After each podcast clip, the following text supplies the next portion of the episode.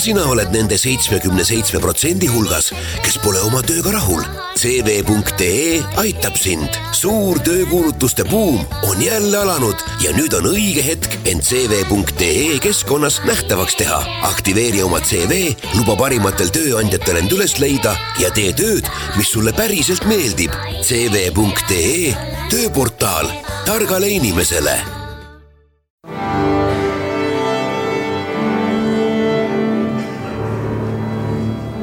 daamid ja härrad, Eesti Kontserdi saade.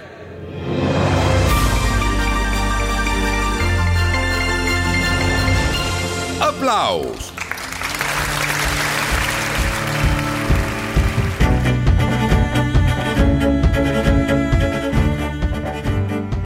tere kõigile, Eesti Kontserdi saade Applaus, mina olen Laur Jaav. Vaatame üle, mis Eesti Kontserdi korraldusel lähema kahe nädala jooksul tulemas ja peab vist tunnistama, et seisame selle kevade vast sündmuste rikkaimate nädalate lävel. vaatame kõik järjest üle, palju jõuab, sest tänase saate pikemaks teemaks planeerisin sündmuse, mis ajaliselt lähiperioodi ei sobitugi, pigem suvekuudesse, aga sündmused, mis said ajendiks, et sellest rääkida, toimusid just mõned päevad tagasi. siiski, lähemad kontserdid kõigepealt. kasvõi näiteks täna lastekontsert Veealune maailm, kus peategelasteks lätlaste rokkiv tšellotrio Melo M. naljakas, kaasahaarav, rütmikas, tegelikult oleks kohane ka kasutada sõna virtuoosne muusika ja videoprogramm kogu perele. Melo M on veealuse maailmaga sobivates kostüümides, nii et isegi trummi mängitakse ujumislestadega. ja tore allveeseiklus on juba täna Vanemuise kontserdimajas, homme Paide muusika- ja teatrimajas ning neljapäeval Jõhvi kontserdimajas. Tallinna kontserdikava on nii tihe, et siia nad paraku seekord ei mahutugi. Eesti Rahvusmeeskoor on kampa võtnud aga Politsei- ja Piirivalveameti orkestri, et üheskoos kuulajateni tuua kontserdi taevalikud sõnumid pealkiri, mis on laenatud samal kontserdil esitatavast Pärt Uusbergi kahe tuhande neljateistkümnendal aastal valminud ning Hanno Runneli tekstile loodud neljaosalisest suurteosest. kuna kontserdil on teoseid veelgi, siis dirigentideks on Mikk Üleoja ja Hando Põldmäe ja kontserdid ise homme Tartus Vanemuise kontserdimajas, neljapäeval Estonia kontserdisaalis, reedel Pärnu kontserdimajas ja laupäeval Jõhvi kontserdimajas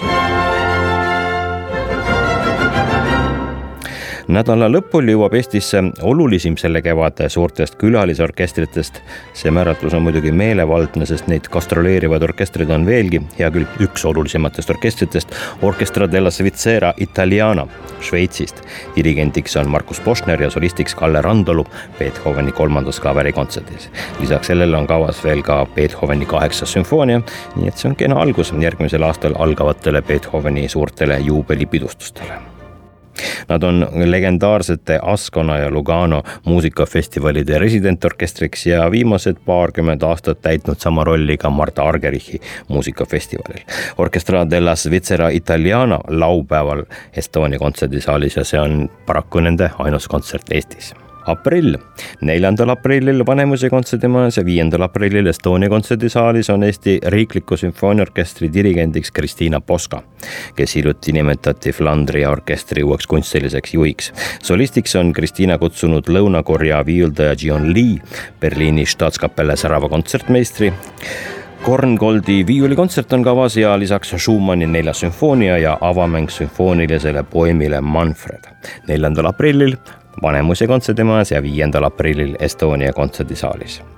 ja meie poolt siin vaadeldava kahenädalase perioodi lõppu mahub veel Tõnu Kõrvitsa autorikontsert Hümn sinisele taevale.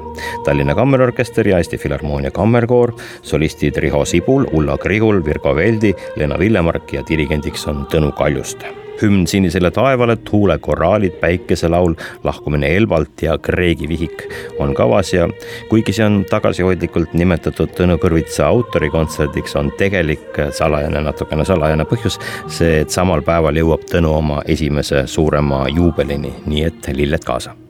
üheksandal aprillil Estonia kontserdisaalis Need on vaid suurimad tulevad kontserdiprojektid lähemast kahest nädalast, mille vahele mahutub hulgaliselt väiksemaid kammerkontserte, aga see saate alul nimetatud suurem teema, millest tahaksin rääkida, jõuab otsapidi hoopis suvesse ja Saaremaa ooperipäevadele nimelt läinud kolmapäeval käis Eestis Moskva Helikon oopera kunstiline juht Dmitri Bertmann, kuna Helikon oopera on tänavu suviste Saaremaa ooperipäevade külalisteater ja kavas on neil Tšaikovski Padaemand, Verdi Nabucco, Pulenki karmeliitide dialoogid ja olulisema uudisena kindlasti Helikon oopera uus lavastus Mister Georg Ots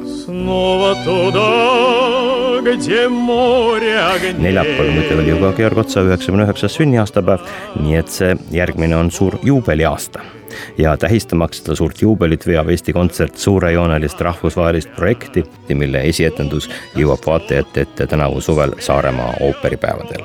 Dmitri Bertmanil on tänaseks lavastuskontseptsioon koos ja proovid algavad maikuus. Eesti poolt osalevad Rahvusooperi solistid Heli Veskus ja Rene Soom ja lobisesime just enne pressikonverentsi algust kolmapäeval Rene Soomiga, kes oli pärast kohtumist Dmitri Bertmaniga lavastusest rääkides väga äraseletatud näoga ja ütles, et et nüüd ta usub küll, et sellest tuleb tõeliselt midagi aga hoolimata pingutustest ei saanud Dmitri Bertmani käest ka kolmapäeval otseselt lavastuse kohta midagi täpsemat teada ja küllap see nii õige ongi. no, во-первых, вот когда э, мое поколение были детьми, Мы же просыпались все время под pieсню Солнечный kruuk, небо вокруг, это kui minu põlvkond, kui me kõik veel lapsed olime, siis me alati ärkasime lauluga Olgu jääb meile päike. seda laulis ju Georg Ots. Georg Ots oli kõige populaarsem laulja, teda teadsid absoluutselt kõik. ma mäletan, kuidas minu ema pani teleka mängima, kuidas minu vanaema pani teleka mängima, kui Georg Ots laulis. Georg Ots oli kogu rahva lemmik, teda ei armastanud mitte ainult need, kes pidasid lugu ooperist või romanssidest, teda kuulati kuulas kogu maa. ma arvan, et pärast Georg Otsa oli selliseks iidoliks ehk Muslim Magomajev ja pärast Magomajevit Dmitri Forostovski. nii anti seda teatepulka edasi. alguses oli muidugi Šaljapin ja Georg Ots on Šaljapini töö edasikandja. see on see niinimetatud teistvenaja intonaatsia ehk sisuline intonatsioon. see on see, kui laulmine ei ole allutatud vokaalsele kõlale, vaid vokaalsele kuvandile. kui häälega antakse edasi uskumatuna tunduvat hoopis teistsugust informatsiooni informatsiooni ja tunnetust, mis kõiki kuulajaid ühendab ja kõiki sunnib end kuulama. seega Georg Ots valdas seda võlukunsti, mis pani absoluutselt kõiki tema kunsti armuma. ja tõepoolest, Georg Otsa nimi on praegugi Venemaal püha. kõik mäletavad teda ja isegi põlvkond, kes oli Nõukogude Liidu lõpupaiku veel väike, nemad ka mäletavad. see kõik ei olnud ju nii ammu üldsegi. isegi kolmekümnesed mäletavad Мне было года 4. Я это очень smutно помню. Я... ma olin nelja-aastane, mäletan seda ähmaselt, mäletan seetõttu, et nagu ikka selles eas juhtunud asju mäletatakse tänu vanemate juttudele ja fotodele. mul on pilt, kus ma seisan kõrvuti Georg Otsaga, olen paks, nagu ma ikka olen olnud. oli selline kohtumine kunagi juhuslik loomulikult, ma ei olnud siis veel lavastaja, vaid lihtsalt laps. aga elu läks seda rada, et ma ikkagi sain lavastajaks ja kui ma edaspidi Eestisse juba lavastajana õpetajana tulin, aga Eestiga on mul tõepoolest väga tihedad sidemed, siis ma töötasin koos Georg Otsa sõpradega. näiteks Teo Maiste, kes laulis Targamuski Näkkineius, mida ma lavastasin ja loomulikult ma uurisin Teo Maistelt kõike Georg Otsa kohta. ja loomulikult Erik Lass, kes on mulle Georg Otsa kohta palju põnevat rääkinud. ja minu jaoks on Eesti ooperikultuur just see põlvkond. Teo Maiste, Erik Lass, Anu Kaal, ma mäletan, kuidas nad kunagi Moskvasse tulid Estoniaga suurde teatrisse ja me kõik jooksime seda vaatama, sest sest meie jaoks oli see Euroopa. isegi Nõukogude Liidus, sest Estonia tõi Moskvasse ooperid, mida seal kunagi ei mängitud. Verdi Luisa Miller, mida Arne Mikk lavastas ja kui ma hiljem tulin Eestisse lavastama, siis ma tulin kohta, kus ma juba tunnetasin kõike rohujuure tasandil. ma teadsin allikaid ja ma armastasin seal juba kõiki. see oli minu jaoks väga oluline aga ikkagi, Mister Georg Ots, mis meid ootab ees? rääkisite päevasel pressikal, et käib uurimistöö, võiks öelda isegi jälitustöö, Arnemik üht-teist teab, aga ei räägi eriti midagi. no äh, есть книга про Георгу Готса. Георg Otsa kohta on muidugi olemas raamat, temast on tehtud film, on suur hulk materjale teatri ja muusikamuuseumis ja Estonia teatris, aga loomulikult selle lavastuse jaoks on vaja leida midagi sellist, mida me ei tea, mingisuguseid saladusi. kui vaadata tema eluloole ajaloolisest vaatepunktist, siis see on ju äärmiselt põnev lugu. eestlane, kes ei sündinud Eestis, mees, kes elas üle laeva hukka, laevahukku, kuidas ta sealt välja ujus, peaaegu nagu piiblist võetud lugu, eks ole. Eesti ja Nõukogude Liidu vaheline lugu, kuidas ta oli Nõukogude Liidu rahvakunstnik, inimene, kes suurepäraselt valdas vene keelt, kes laulis vene keeles, laulis Venemaa suurimatel lavadel, Peterburi Maria teatris, Moskva suures teatris, Stanislavski ja Nemirovitš Tantšenko nimelises teatris ja kõigis Eesti ja Venemaa vahelistes suhetes ta oli nagu sild. üleüldse kultuur on kõige väärtuslikum, sest kultuur on see, mis ühendab inimesi. Me teame seda oma näidete varal, meie ajast pärit näidete varal. ma usun, et mul on selles vallas kogemusi, sest kui ma lavastasin Estonias Wallenbergi, see oli kõige kriitilisem aeg meie riikidevahelistes suhetes ja jälle kultuur võitis ja seljatas poliitilised probleemid. ma mäletan, kuidas me sõitsime Helikoniga Birgitta festivalile ja olid rasked ajad meie riikidevahelistes suhetes. me närveerisime ikka päris korralikult, et milline saab vastuvõtt olema sellistes tingimustes. Ja kui siis publik skandeeris ja karjus braavo, mul poisid lihtsalt nutsid laval etenduse lõpus, sest see oli nii võimas tunne. me tõesti kõik väga armastame Eestit ja mitte midagi ei saa valesti minna meievahelistes suhetes, mis puudutab kultuurivaldkonda ja see ongi kõigi kultuuri vallas töötavate inimeste suurim teene nii oli see kõik ilmselt ka varasematel aegadel ja Georg Ots oligi väga suurel määral selleks sillaks, mis läbi kultuuri kahte riiki ühendas. samasugune sild oli pikka aega ka Eeri Klass ja Eeri oli ju tõeline kultuurisaadik. Таким же мостом, которым долгое время был Эри Класс.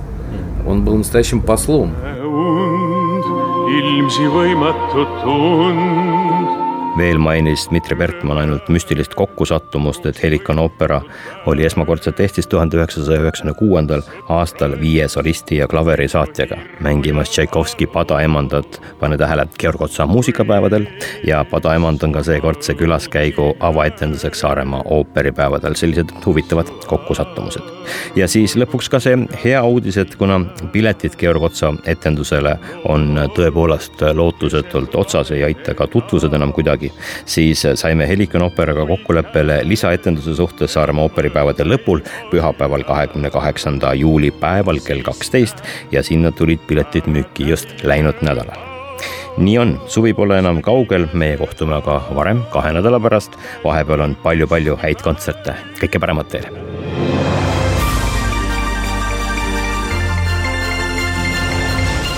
aplaus